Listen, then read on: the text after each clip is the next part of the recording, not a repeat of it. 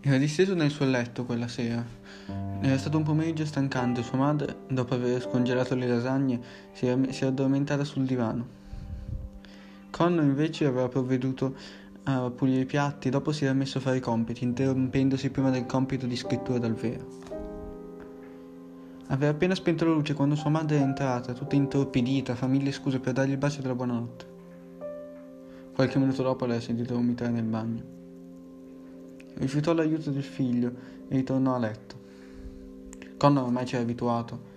I giorni peggiori erano sempre quelli dopo l'inizio della terapia, i giorni in cui era più stanco, in cui vomitava di più.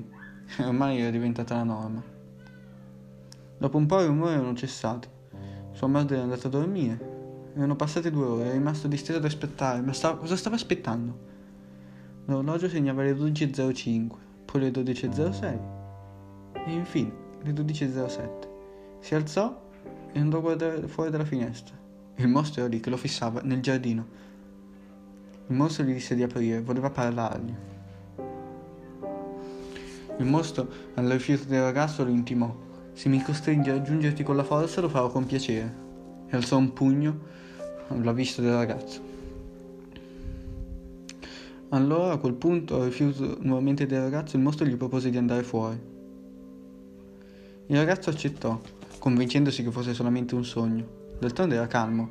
È un incubo, perché sì, è un incubo, però era diversissimo dall'altro. Non c'era terrore, non c'era panico, non c'era oscurità, non c'era vento, non c'era buio. Però c'era un mostro, come un altro sogno. Era chiaro come la notte più chiara, che incombeva 10 o 15 metri sopra di lui col suo respiro pesante nell'aria notturna. Continuava a convincersi che fosse solo un sogno. Così, a un certo punto, il mostro glielo chiese. Ma cos'è un sogno, Connor Malley? Non lo sapeva. Ogni volta che il mostro si muoveva, Connor udiva lo scricchiolio di legno che gemeva e brontolava nel corpo enorme. Connor chiese al mostro che cosa fosse, ma lui gli rispose: Chi sono io? Il mostro si ingigantì e divenne sempre, sempre più grande e grosso. Quando poi un vento improvviso mu- mulinò intorno a loro la creatura allargò le braccia, così tanto che parvero toccare due orizzonti opposti così tanto da sembrare abbastanza grandi da avvolgere il mondo intero.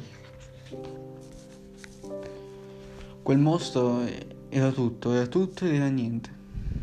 Ha avuto tanti nomi durante gli anni del tempo. Io sono Hen il cacciatore, io sono Cerunnus, io sono l'eterno uomo verde, ripete il mostro.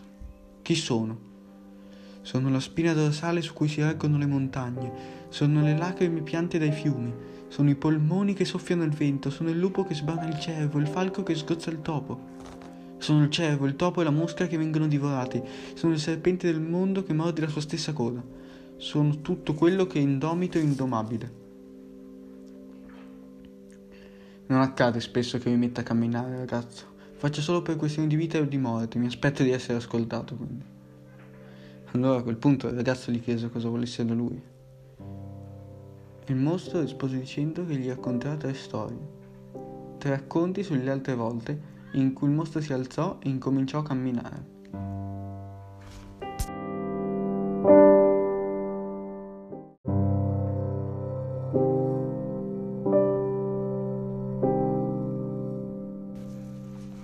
Il mostro poi aggiunse che il ragazzo gliene racconterà una quarta, e la quarta sarà la verità non una verità qualsiasi, la verità, la tua verità, la verità del ragazzo.